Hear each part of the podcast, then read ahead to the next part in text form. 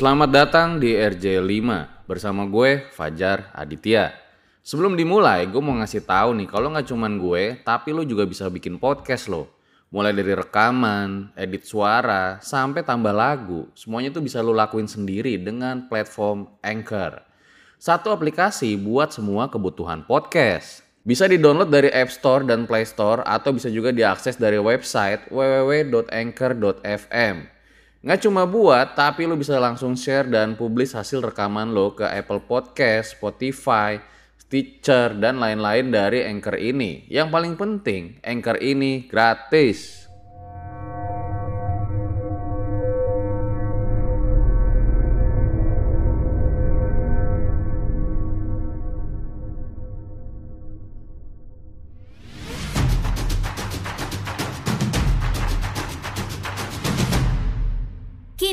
Podcast Network.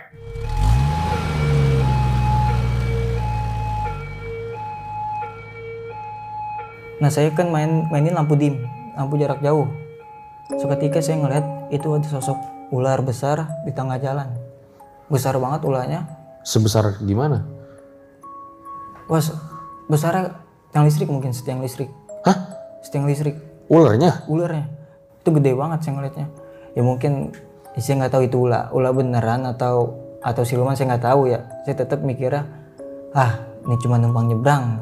Saya udah kelakson kan, saya udah kelakson. Itu dia tersesat dari jam 7 pagi sampai jam 7 malam. Baru ketemu jalan. 12 jam tersesat. 12 jam tersesat.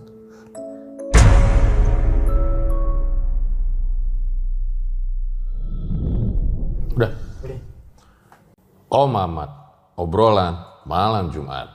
Kembali lagi bersama gue Fajar Ditya, kali ini di Om Ahmad season 3. Kamu yang takut atau mereka yang lari.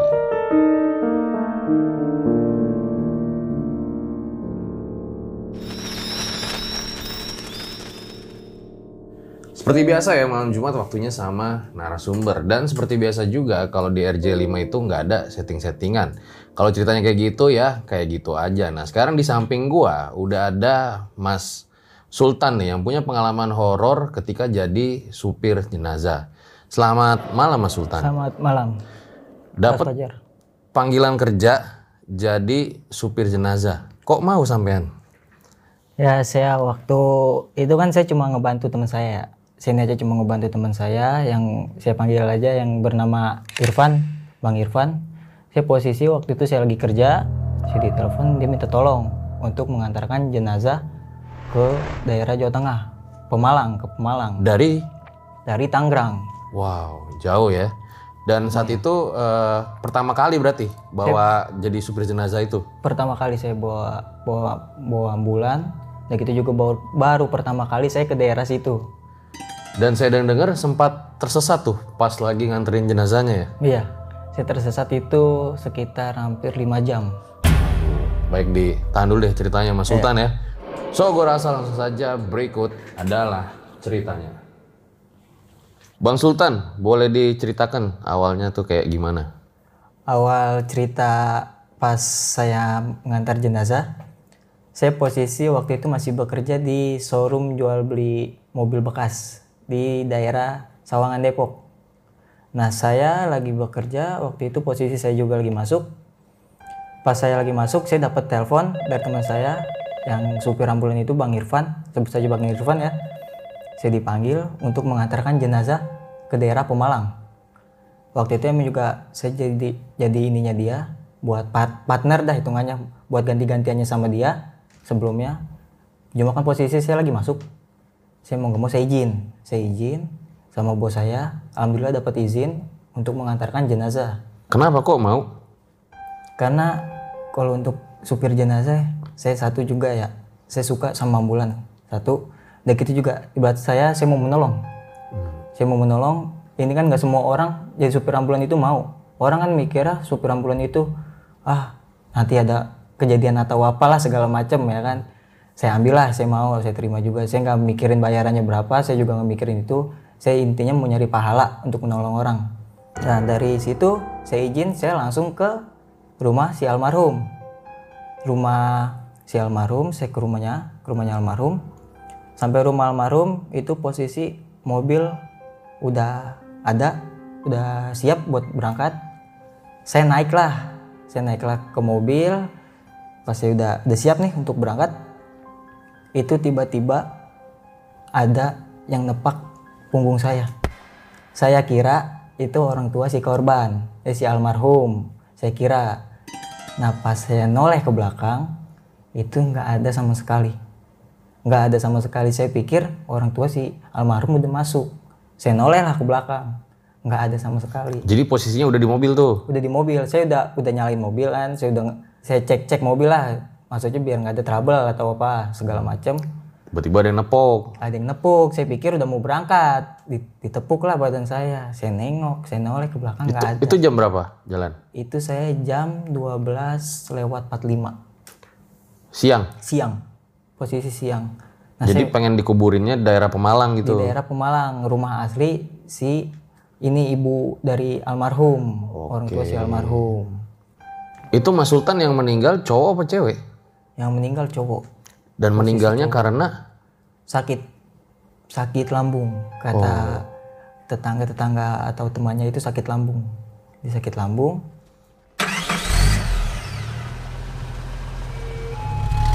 Saya berangkat lah nyampe di tol Japek Jakarta Cikampek itu di atas.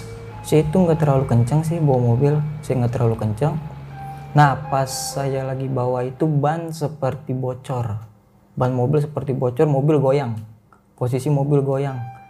Saya otomatis saya berhenti. Saya mikir ya kan takutnya mobil bocor atau kenapa bahaya juga saya mikir saya berhentilah saya saya menepi saya cek saya cek ban depan belakang nggak ada sama sekali yang kempes atau bocor nggak ada. Itu goyangnya parah gitu. goyang parah kayak ban bocor kayak ban bocor aja. Itu parah parah banget goyangnya udah tuh saya saya habis cek segala macem nggak ada. Sudah pikirnya mungkin jalanannya bergelombang saya mikirnya kan. Saya jalan lagi lah. Itu Bang Sultan posisi di mobil ambulan ada berapa orang? saya bertiga. Saya terus orang tua yang laki orang tua yang laki sama orang tua yang cewek. Yang ibu ibunya sama bapaknya. Di mobil saya yang di depan bapaknya yang di belakang ibunya. Iring-iringannya mobil banyak. Satu satu mobil Satu aja. satu mobil. Nah habis saya jalan habis saya jalan lagi itu seketika mobil bau. Bau bau aroma bau kayak kabel terbakar itu saya langsung pas nyampe rest area kilometer berapa saya lupa. Saya langsung cek mobil. Saya mikirnya kabel atau apa yang koslet bahaya juga. Saya mikirnya perjalanan jauh ke Pemalang. Nah saya cek alhamdulillah nggak ada nggak ada apa-apa cuma yang saya bingung itu tadi baunya bau apa saya mikirnya kan. Tetap saya saya nggak mau pikiran yang jelek. Maksudnya pikiran saya nggak mau jelek dulu saya intinya mau nganter nih jenazah sampai dulu ke rumah nyampe rumah almarhum baru nanti pulang saya cek. Saya mikirnya kan saya ke situ saya habis dari situ habis saya cek segala macam saya pindahlah ke ini keranda ke belakang. Pak saya bilang kan nama si almarhum. Saya bilang tolong jangan ganggu saya. Saya bilang gitu. Saya ini saya mau ngantar kamu ke rumah saya bilang. Saya di sini cuma untuk menolong. Tolong jangan ganggu saya perjalanan ini masih jauh. Kita bilang gitu kan. Dia tuh bisa ya itu. Saya langsung dia tuh nggak lama bisa ngomong gitu. Kita prepare segala macam kita berangkat lah kita berangkat ke Pemalang itu alhamdulillah nggak ada apa-apa nggak ada nggak ada terjadi apa-apa nah pas nyampe Pemalang kota itu kita sampai jam habis maghrib. Kita sampai habis maghrib.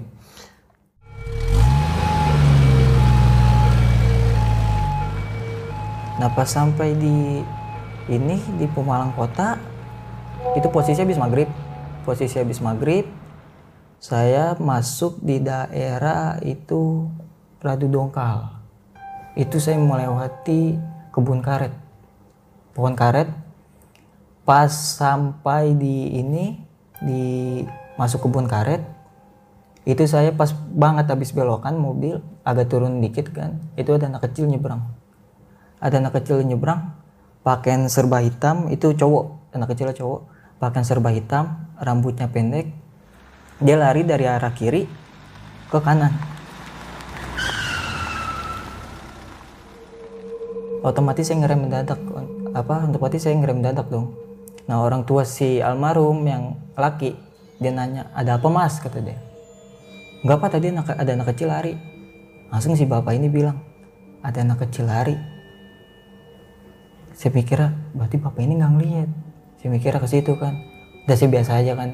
Udah tuh saya lanjut lagi. Mas baca bismillah aja kata dia. Iya pak saya bilang gitu. Udah tuh saya jalan lagi sampai jam 7 malam jam setengah 8 lah. Saya sampai di kediaman rumah almarhum. Tadi niatnya saya mau langsung pulang kan. Saya mau langsung pulang karena mobil besok mau dipakai juga sama teman saya yang bang Irfan itu. Sama keluarga si almarhum saya disuruh istirahat di situ. Disuruh pulang pagi. Saya jelasin semuanya ke keluarga almarhum. Saya bilang mobil mau dipakai untuk besok ini kan cuma ngedrop saja bu untuk nganterin si almarhum saya bilang. Karena mobil mau dipakai sih saya mau langsung balik aja bu. Dan gitu juga waktu juga mumpung belum terlalu malam saya mikirnya. Cuma tetap orang tua si korban kekeh untuk suruh istirahat. Akhirnya saya ngopi-ngopi di situ saya bilang yaudah bu saya istirahat sebentar untuk ngopi-ngopi kan untuk ngopi apa makan segala macam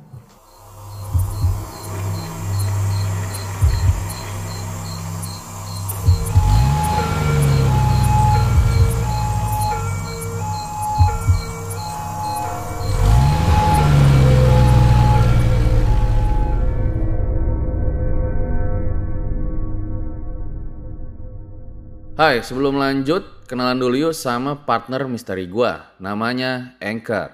Anchor ini adalah all-in-one podcast editing platform yang membuat gue lebih mudah untuk rekaman, edit suara, tambah lagu, dan segala hal dalam pembuatan podcast yang sedang kamu dengerin kali ini. Anchor bisa ngebantu kamu bikin podcast kamu sendiri. Caranya tinggal download dari App Store dan Play Store. Atau bisa juga diakses di www.anchor.fm. Jadi download Anchor sekarang juga.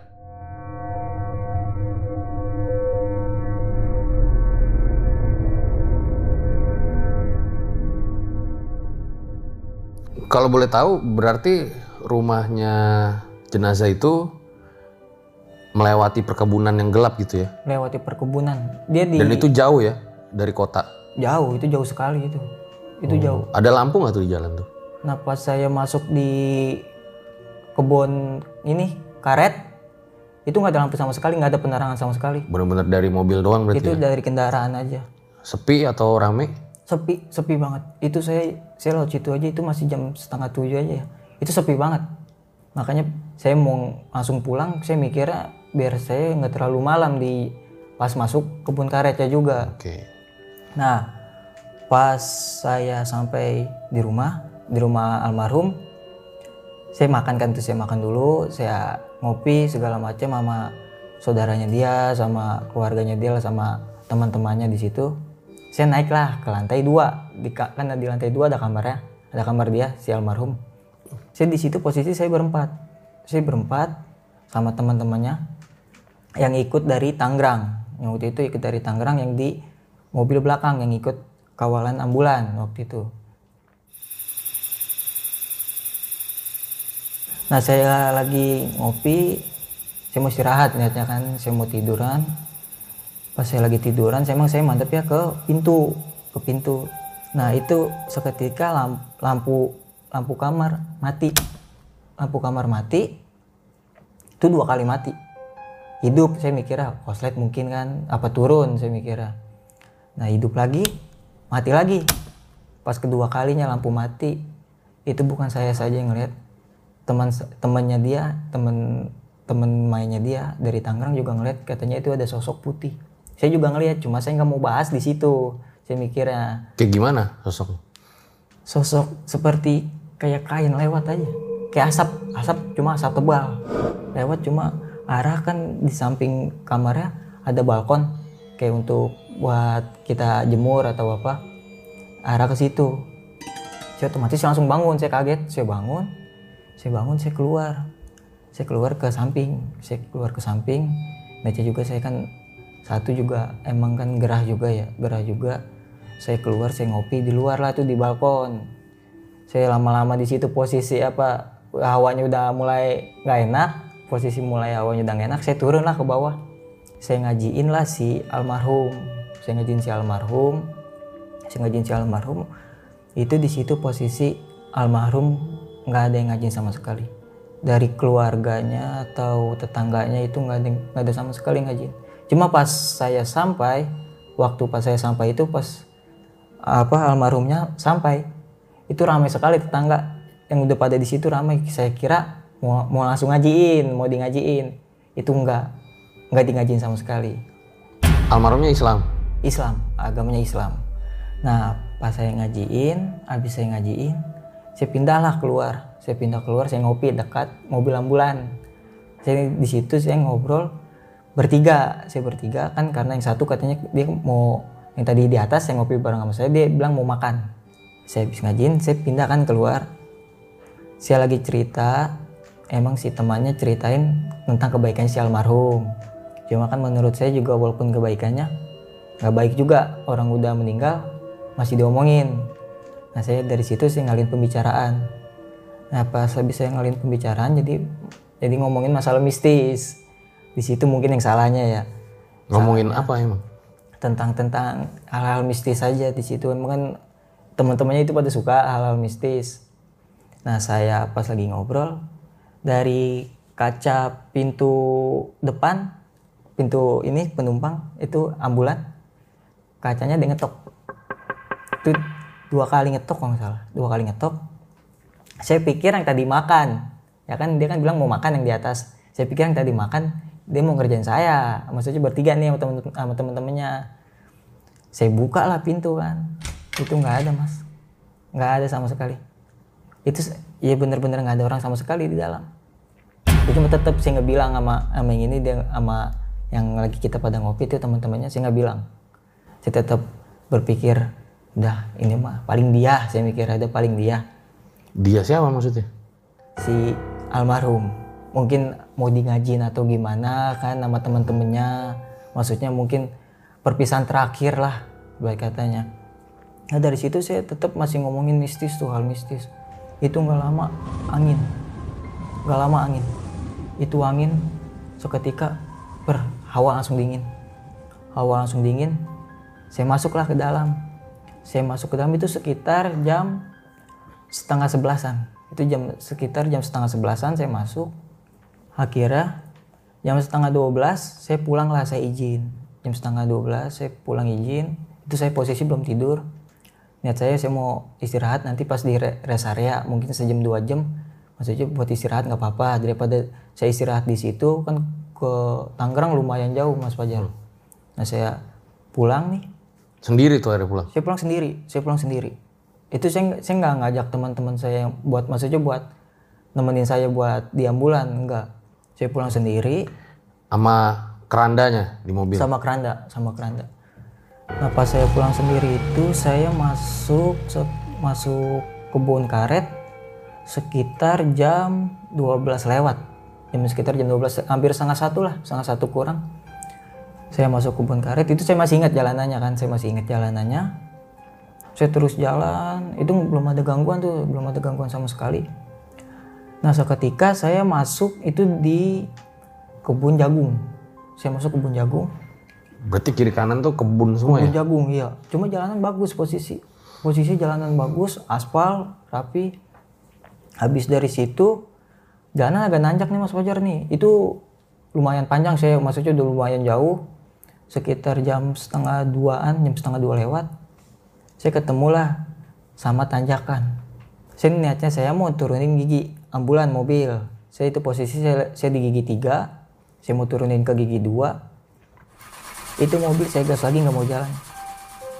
Mobilnya nggak mau jalan saya pikir ada yang ngeganjal di ban atau atau ada yang selip saya mikirnya kan. Saya berhentilah pas banget di tanjakan. Saya berhenti di tanjakan saya turun saya turun itu saya pakai senter HP penerangan nggak ada sama sekali. Saya turun pakai senter HP saya cek di ban depan belakang nggak ada sama sekali.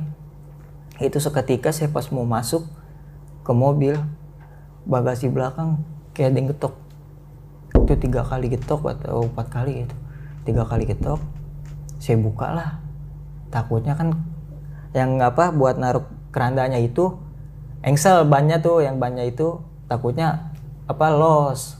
Jadinya nabrak bagasi makanya saya buka. Alhamdulillah nggak nggak kenapa-napa.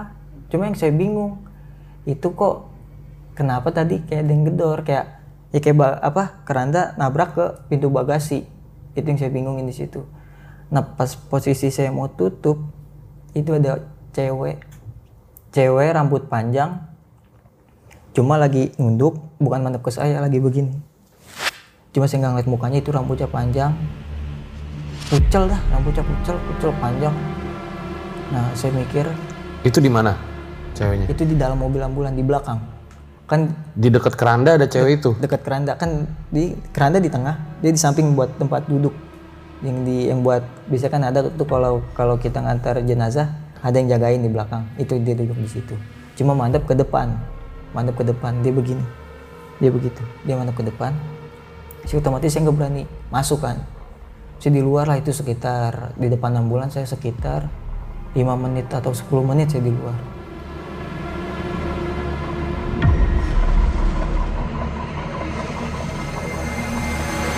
Saya, saya main HP karena sinyal juga nggak ada. Saya bingung saya mau ngabarin gimana kan. Ngabarin teman saya juga bingung. Nungguin orang lewat gitu. iya saya juga saya juga mau ngelihat map sinyal nggak ada. Saya bingung maksudnya saya ini saya di daerah mana? Saya, saya mau lihat map sinyal nggak ada. Saya ngeliat HP sekitar itu udah jam sekitar jam 2an lah. Mungkin jam 2 jam 2 habis dari situ saya baca bismillah. Saya beraniin lah. Saya beraniin saya masuk. Saya baca bismillah. Alhamdulillah nggak ada nggak ada. Itu yang sosok itu udah nggak ada. Saya jalan nih. Itu mobil udah bisa jalan mas Fajar. Se- seketika mobil bisa jalan. Nyoba gitu bisa jalan kan langsung. mobil ya mobil kan sempat saya matiin saya nyalain lagi mobil bisa jalan. Saya jalan lah. Itu saya jalan itu lumayan jauh lumayan lama. Nah seketika la- lampu rotator yang merah yang di atas mati. Seketika lampu mati lampu rotator. Emang tadi dinyalain? saya nyalain saya buat nandain aja kalau itu. Saya cuma kalau sirena nggak saya nyalain cuma lampu ininya aja rotator saya nyalain. Nah nggak jauh dari situ radio musik kan saya lagi nyetel lagu buat buat ngilangin iseng aja. Saya saya lagi nyetel lagu seketika radio musik itu mati. Seketika mati saya pikir kan dia kan ada sikringnya di dalamnya tuh. Saya pikir ada sikring. Sikringnya yang putus. Biasanya kan kadang keseringan sikring putus.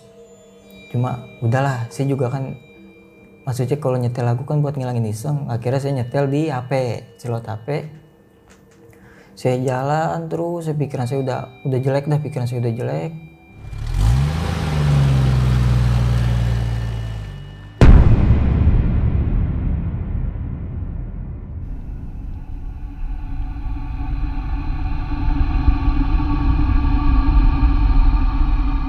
Tunggu kelanjutannya di part terakhir.